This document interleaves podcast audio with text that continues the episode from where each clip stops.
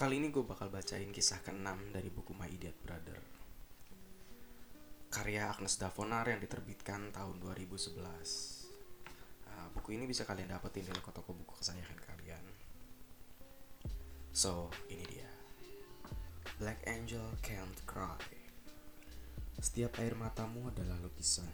Setiap senyummu adalah karunia dan aku akan selalu menjagamu sampai akhirnya tiba waktuku untuk. Davonar. Setiap orang ingin menjadi hebat dalam hidupnya.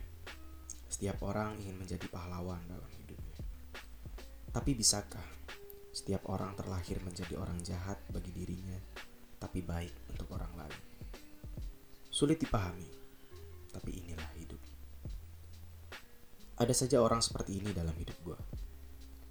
Seorang yang bangga menyebut namanya Black Angel. Black Angel yang tak pernah menangis. Setiap harinya, gue selalu berangkat ke kantor di waktu yang sama. Melewati jalan yang besar di mana di sana ada sebuah toko mainan yang memasang toko-toko kartun semacam Batman, Spider-Man, dan Superman. Yang membuat gue menyukai tempat itu bukanlah mainan yang terpajang untuk dijual. Tapi pegawai di toko itu yang aneh menurut gue. Seorang cewek yang menurut gue tersembunyi di balik kecantikan alaminya. Karena udah sering melewati tempat itu, akhirnya suatu ketika gue memberanikan diri untuk melihat isi tokonya. Di luar sana hujan. Ini satu alasan gue untuk masuk melihat-lihat. Cewek yang gue bilang selalu pakai sayap seperti peri dan pakaian hitam menyambut gue. Selamat datang. Kenalkan, saya Black Angel. Ada yang bisa saya bantu? Hmm, sebenarnya sih cuma mau nanya, kenapa namanya Black Angel? Tanya gue. Hehe, itu nggak bisa dijawab, rahasia perusahaan. Akhirnya gue memilih satu komik Superman dan dia tersenyum sama gue. Gue menatap senyumannya yang begitu cantik. Kenapa orang secantik ini malah jadi pegawai toko ya? Harusnya jadi model. Tapi gue menggugurkan niat dengan pertanyaan itu. Malam harinya, gue pulang lewati tempat yang sama. Saat itu dia baru tutup toko. Gue ngerasa dia kesulitan untuk menekan pintu hingga rapat. Gue pun mendekat, membantunya dan dia pun enggak menolak untuk gue bantu. Kamu ini sendirian di toko ya? Emang gak ada yang bantu? Gak ada. Emang kenapa? Lumayan berat juga loh nutup pintu sebesar ini. Gue kan Black Angel, pasti kuat lah. Kata dia gak nyambung banget menurut gue. Akhirnya kita pisah malam itu. Tapi semenjak hari itu, gue melihat banyak hal yang dia lakukan selain menjaga toko. Dia sering keluar jalan hanya untuk membantu nenek-nenek atau anak-anak yang sedang ingin menyeberang. Gue melihat dengan mata gue sendiri bagaimana dia rela membantu mengangkat belanjaan seorang ibu yang habis dari supermarket ke seberang jalan. Ketika gue melihat dia, dia hanya melempar senyum. Gue jadi penasaran dengan sosok dia. Menunggu waktu yang pas, gue pergi ke toko dia. Dia menyambut gue dengan senyuman seperti biasa. Tapi saat itu bukan hanya ada dia, tapi ada satu orang yang agak tua sedang menghitung bon di meja kasir. Ada yang bisa Black Angel bantu? Uh, mau cari lanjutan komik Superman ada. Tunggu ya, kata dia sambil mencari. Pria tua di sampingnya berteriak, Angel, sini kamu. Dengan kasar seraya memerintah dan gua melihat sendiri Angel mendekati pria itu. Kamu ini bego apa tolol? Barang kejual banyak tapi kok malah uangnya segini? Jangan jadi koruptor kamu. Ke mana uang yang lain? Black Angel terdiam. Dia tak berkata apa-apa. Pria itu tampak kesal, melempar tumpukan bon bekas ke wajah Angel yang terdiam. Gue merasa kesal dengan sikap pria yang gue pikir bos dia. Kok mau melakukan karyawan seperti itu?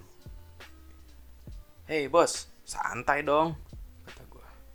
Mau apa kamu? Mau ikut campur? Black Angel menarik tangan gue sambil berkata, Pak, maaf ya, jangan marah lagi. Black Angel bakal coba hitung-hitung lagi. Mungkin tadi salah hitung. Otak kamu itu buat apa sekolah tinggi-tinggi di Amerika? Kalau cuman buat hitung duit kecil aja begonya minta ampun. Ketika gue semakin gak suka dengan perkataan kasar pria itu, Angel langsung menarik tangan gue sambil berkata kalau dia udah nemuin buku yang gue mau. Gue bisa ngelihat dari wajahnya yang tampak sedih, tapi berusaha tersenyum memberikan buku yang gue mau. Itu bos loh. Kasar amat. Udah biasa. Black Angel kan kuat, kata dia dan membuat gue tambah bingung dan pergi meninggalkan toko. Tapi gue masih sempat melihat kalau bosnya itu marah-marah dan Black Angel hanya tersenyum terus. Kalau gue jadi pekerja di sana, gue pasti udah ngajar bos gue. Black Angel yang malang, kata gue dalam hati. Suatu sore saat gue berangkat ke toko, tiba-tiba Black Angel terjatuh karena didorong oleh bosnya. Gue langsung menghampiri Black Angel dan membantu dia bangkit. Bos itu marah-marah. Kalau nggak senang, silakan kamu pergi dari sini, kata pria itu kasar. Gue hendak marah, bangkit, tapi Black Angel menahan tangan gue. Bos itu pergi dengan mobilnya, meninggalkannya tanpa peduli Black Angel. Gue semakin iba ngeliat keadaan Black Angel yang tangannya lecet dan kostum saya perinya sedikit rusak. Gue bantu dia masuk ke toko. Dia mengambil sendiri obat merah untuk menutupi luka di tangan. Gue memandang dia yang masih bisa tersenyum dengan kondisi seperti ini. Memangnya kenapa sih mau kerja sama bos seperti ini? Setahu gue masih banyak kerjaan yang lebih baik. Black Angel harus tahan banting. Please deh. Kok lo jadi orang gak nyambung banget? Gue nanya apa, lo jawab apa? Kata gue kesel. Dan Black Angel hanya tersenyum kecil. Ya, inilah Black Angel. Waktu sudah malam, dia menutup toko sendiri. Seperti biasa, dia pasti kesulitan buat nutup pintu gerbang yang besar itu. Akhirnya gue bantu juga. Dia menatap gue. Sudah makan? Tanya dia. Belum. "Eh, nanti makan di rumah. Oh, mau makan sama gue? Tanya Black Angel. Nggak ada salahnya juga. Akhirnya gue setuju. Rasanya lucu sekali jalan dengan Black Angel. Dia itu pakaiannya norak. Dengan bentuk peri dan pakaian hitam. Kita makan bakmi. Seperti dua orang badut yang jadi tontonan orang. Ingin rasanya gue meminta dia melepas kostumnya. Banyak anak kecil yang mendekati mengira dia sosok boneka. Black Angel tersenyum melayani permintaan foto. Dia bikin makan bakmi kita seolah jadi penghibur di restoran itu. Black Angel, nama asli lu siapa sih? Black Angel, kata dia. Ah, tadi bos lu panggil lo Angel kan?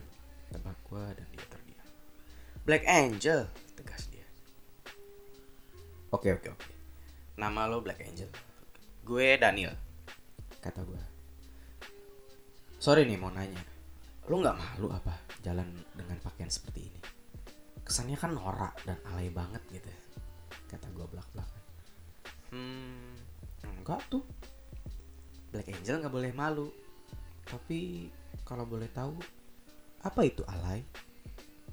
Alay itu orang yang norak dan pengen buat dirinya merasa ribet dan bikin orang ribet juga mengenal dia. Oh, tak masalah kalau Black Angel dibilang alay. Ah, whatever lah. Kata gue stres melihat orang aneh yang mungkin benar-benar alay. Sejak saat itu gue malah jadi berpikir si Black Angel ini sakit jiwa. Nggak nyambung dan norak. Kita malam itu berpisah dan gue janji dalam hati nggak akan mau kenal dia lagi. Cantik, tapi nggak nyambung dan norak seperti ini. Pantesan bosnya kesel setengah mati. Cukuplah untuk gue. Ratu Allah yang pernah gue tahu walaupun dia cantik. Gue mungkin menyesal mengenal Black Angel. Semenjak hari itu, gue mencoba untuk gak lewat depan toko dia. Gue gak mau ketemu dia. Gue cari jalan lain walau jauh, setidaknya nggak ketemu orang sakit seperti dia. Itu sudah berlangsung cukup lama, sekitar dua bulan, sampai gue lupa pernah mengenal dia. Tapi sebuah kejadian mempertemukan gue lagi. Saat gue melihat dia, dia berdiri di depan taman membawa banyak makanan di tasnya. dia memberikan pada anak-anak jalanan yang tinggal di taman. Gue melihat sendiri kejadian itu. Dia menatap gue saat itu, tersenyum sambil memanggil gue. Daniel, kata dia. Gue ingin pergi tapi nggak enak hati. Akhirnya gue mendekati dia. Ngapain lo di sini Black Angel? Kasih makan malam ke anak-anak di sini. Mereka teman-teman gue. Oh gitu ya. Temen lu banyak amat sampai 20 orang gini. Ya, mereka adalah teman-teman Black Angel. Anak-anak, ayo beri salam sama Daniel. Semua memberikan salam ke gua, serasa gua guru di pagi hari ketika kelas masuk. Usai itu, gue terpaksa jalan berdua sama. Lu gak pernah ke toko lagi? Komik Superman kan sudah sampai 12. Lo baru beli sampai 2. Udah bosen ya? Hmm, lumayan bosen. Kata gue untuk menutupi alasan kalau gue takut ketemu dia. Oh gitu. Tiba-tiba seorang ibu dengan wajah kusam meminta sedekah. Black Angel mencoba meraba-raba sakunya, tapi tidak menemukan uang. Lalu dia menatap. Black Angel boleh minjam uang gak? Kasihan ibu ini belum makan. Dengan sedikit bingung, gue pun meminjamkan uang ke dia untuk diberikan kepada ibu-ibu tersebut. Gue jadi pengen ajarin dia sesuatu melihat sikap dia. Black Angel, kalau lu sendiri gak ada duit, lu gak perlu memberikan uang untuk orang lain. Itu sama aja kan membuat diri lu ribet. Berutang kan jadinya. Ya gak apa-apa. Black Angel harus rela menolong orang lain. Walaupun nanti jadi sulit untuk dirinya sendiri. Gue jadi tambah bengong mendapatkan jawaban dia. Lu tinggal di mana sih? Tanya gue karena pengen pulang. Gak mau lama-lama bareng dia. Di rumah, bos. Hah? Lu tinggal sama dia? Orang segalak itu? Gak takut apa? Bos itu baik lagi. Black Angel sayang sama dia. Astaga. Orang yang menyakiti dia malah dia sayang. Karena udah malam terpaksa gue anterin dia. Dengan pakaian aneh seperti dia, pasti akan menarik banyak penjahat bakal buat-buat macam-macam. Kita tiba di rumah besar. Black Angel menekan pintu bel. Bosnya muncul dengan pakaian tidur. Bos, Black Angel pulang. Bukan sambutan yang baik. Bos malah nampar Angel. Ternyata kamu itu suka nyolong duit toko buat ngasih makan teman-teman kamu yang di jalanan itu. Black Angel hanya pinjam, nanti dibayar. Bayar? Bayar pakai apa? Nampung kamu di sini aja udah bikin susah. Sana pergi sama anak-anak jalanan kamu itu. Kata bosnya menurut Black Angel. Eh, jangan kasar dong. Anak muda, kalau lo peduli, bawa aja nih orang gila. Jangan cuma bisa bela tampang dia doang. Bos itu menutup pintunya. Black Angel tidak menangis saat itu. Gue bingung harus gimana. Akhirnya gue membawa dia mengikuti gue. Kita duduk di taman yang sama di mana kita bertemu. Black Angel mau ke mana sekarang? Di sini aja tak masalah, kata dia. Sebenarnya mau bawa ke rumah, tapi rumah gue itu kecil. Sebenarnya itu cuma alasan gue. Gue cuma takut si Black Angel ini sakit jiwa dan malah bikin gue dipikir bawa orang gila ke rumah sama keluarga gue. Gue tertunduk. Kalau Daniel mau pulang, silakan saja. Hmm, gue jadi iba dan merasa tak enak hati untuk pergi melihat tatapan mata dia yang tersenyum sama gue. Black Angel, siapa sih lu sebenarnya? Mata lo bukan seperti orang yang punya kesulitan dan alay. Black Angel adalah Black Angel. Kenapa nggak jadi White Angel aja? Kan lebih bagus. Black kesannya setan tau. Itu masa lalu. Sekarang sudah tidak mungkin, kata dia. Gue jadi bingung. Dia bisa jawab dengan kalimat yang gak seperti biasanya, yang gak nyambung. Coba jelaskan, gue mau denger. Kalau Daniel memohon, Black Angel terpaksa harus cerita. Tapi gak nanggung kalau bosan ya. Udah cepat gue mau denger. Black Angel dulunya adalah mahasiswa jurusan seni dan rupa di Amerika Serikat. Dia mempunyai seorang kekasih yang pengen bikin film yang bagus tentang sosok wanita yang kuat. Laki-laki itu bernama Hendra. Hendra bermimpi tentang film yang ia beri judul Black Angel. Angel yang mencintai Hendra akhirnya bersedia membantu Hendra untuk membahagiakan dan mewujudkan impian kekasihnya menjadi Black Angel. Hendra pun terus bermimpi untuk membuat karakter yang suatu saat menjadi nyata. Tentang wanita super kuat yang tak bisa menangis dan diberi nama Black Angel. Nama asli Black Angel adalah Angel. Hendra selalu berkisah tentang sosok Black Angel yang luar biasa, tapi memiliki satu sisi yang lain bernama White Angel ketika menjadi manusia normal. Ambisi itu membuat Hendra berpikir menjadikan Angel sebagai sosok White Angel ketika menjadi manusia normal. Dan berubah menjadi Black Angel ketika menjadi sosok superpower. Dan impian itu pun terwujud dalam kehidupan sehari-hari. Hingga suatu hari, Angel mulai merasa dirinya aneh. Setiap saat selalu berpikir tentang mimpi Hendra tentang dirinya menjadi Black Angel. Ia pun bertanya, Hendra, emangnya kamu pikir aku bisa jadi Black Angel? Tentu saja bisa. Kenapa tanya gitu? Tapi kan aku nggak punya bajunya. Kalau dengan pakai normal seperti ini, sama aja dong White Angel. Bener juga ya. Kalau gitu aku beliin kamu kostum deh. Bener nih kata Angel. Iya, tapi setelah itu kamu harus janji ya pakai kostum itu kalau ingat aku. Tapi apa aku bisa jadi Black Angel yang kamu harapkan? Tentu bisa. Kamu harus janji walau tanpa aku ya. Impian itu sepertinya mulai terwujud ketika seorang produser terkesan dan berpikir film itu akan menarik dan meminta Hendra buat contoh dokumenter tentang Black Angel.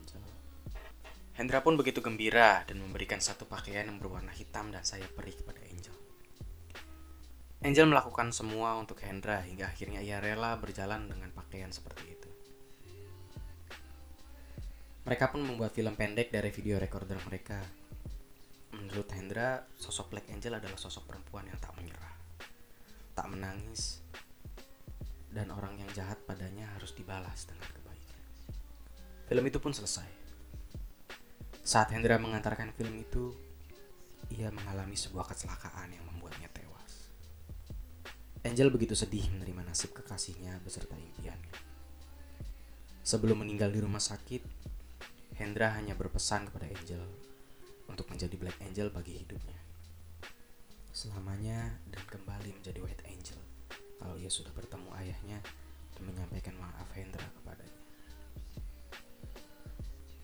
Ayah Hendra yang tahu sejak awal kematian putranya karena ambisinya tentang Black Angel menjadi murka dan merasa Angel adalah orang yang menyebabkan kematian putranya karena salah paham. Ini bukan film kan? Tanya gue bengong mendengarkan kisah ini. Black Angel nggak suka bohong. Itu beneran. Uh, lalu Black Angel sudah ketemu ayahnya Hendra? Sudah. Lalu gimana? Udah bisa dapat maaf dari dia? Belum jadi ini alasannya kenapa lo selalu berpakaian aneh seperti ini hanya untuk menyampaikan permintaan maaf Hendra ke bokapnya dan gak akan ganti baju sebelum dimaafkan Black Angel tersenyum dan gue baru nyadar dia nggak akan ganti baju sampai dapat maaf dari bokapnya Hendra. Um, mau gue bantu nggak kasih tahu bokapnya? Tawar gue. Black Angel sadar itu sulit. Tapi kelak ayah Hendra bakal tersadar kok kalau semua impian anaknya itu adalah impian yang nyata dan penuh harapan. Walau kematian adalah ujung dari semua itu. Mabok deh gue denger bahasa lo sekarang. Langsung aja, siapa sih bokapnya? nanti kamu akan tahu. Gue baru menyadari betapa beratnya hidup si Black Angel hingga membuat dia terkesan jadi orang aneh. Malam itu dia ternyata dijemput oleh seorang yang dikenal sebagai pembantu bosnya. Gue berharap dia mendapatkan impian dia. Secara tiba-tiba gue mendapatkan tugas di luar kota selama tiga bulan. Gue gak sempat ketemu lagi sama Black Angel. tiga bulan setelah gue pulang gue mau coba mampir ke toko dia saat itu gue nggak nemuin dia dan hanya nemuin bosnya yang killer itu saat melihat dia gue pengen kabur tapi dia manggil gue anak muda sini kamu saya nggak pengen beli apa-apa nggak jadi. Saya nggak minta kamu beli apa-apa di toko saya. Cuma mau kasih ini untuk kamu. Apa? Tanya gue dan bos itu memberikan sebuah video. Ini titipan dari Black Angel untuk kamu. Ke mana dia bos? Sudah kembali ke Amerika. Kok bisa? Hmm. Dia sudah menjadi White Angel saatnya menjadi Black Angel sudah selesai kata bosnya tersenyum ada surat yang terselip di dalam situ gue membacanya dan menyadari satu hal Terima kasih Daniel untuk malam berkesan di saat itu. Kini gue sudah menjadi white angel dengan tenang. Video ini adalah kenang-kenangan saat gue di Amerika bersama Hendra yang tidak jadi difilmkan karena Hendra pergi. Itu hadiah untuk kamu. Gue senang akhirnya mendapatkan maaf dari ayah Hendra. Kini tugas gue sudah selesai. Semoga kita bisa bertemu lagi kelak. Gue membuka video itu di rumah dan baru menyadari satu hal. Terdapat satu sosok ayah Hendra yang tak asing buat gue dalam video profil Hendra. Ayah Hendra itu adalah bos Black Angel yang killer itu. Jadi, selama ini Angel kerja sama ayahnya Hendra. Yang memperlakukan dia dengan kasar hanya untuk membuktikan kalau dia adalah gadis yang dicintai oleh Hendra dan bukan masalah dalam hidup Hendra. Keesokan harinya gue kembali bertemu bos Angel. Kenapa bos melakukan semua itu ke Angel?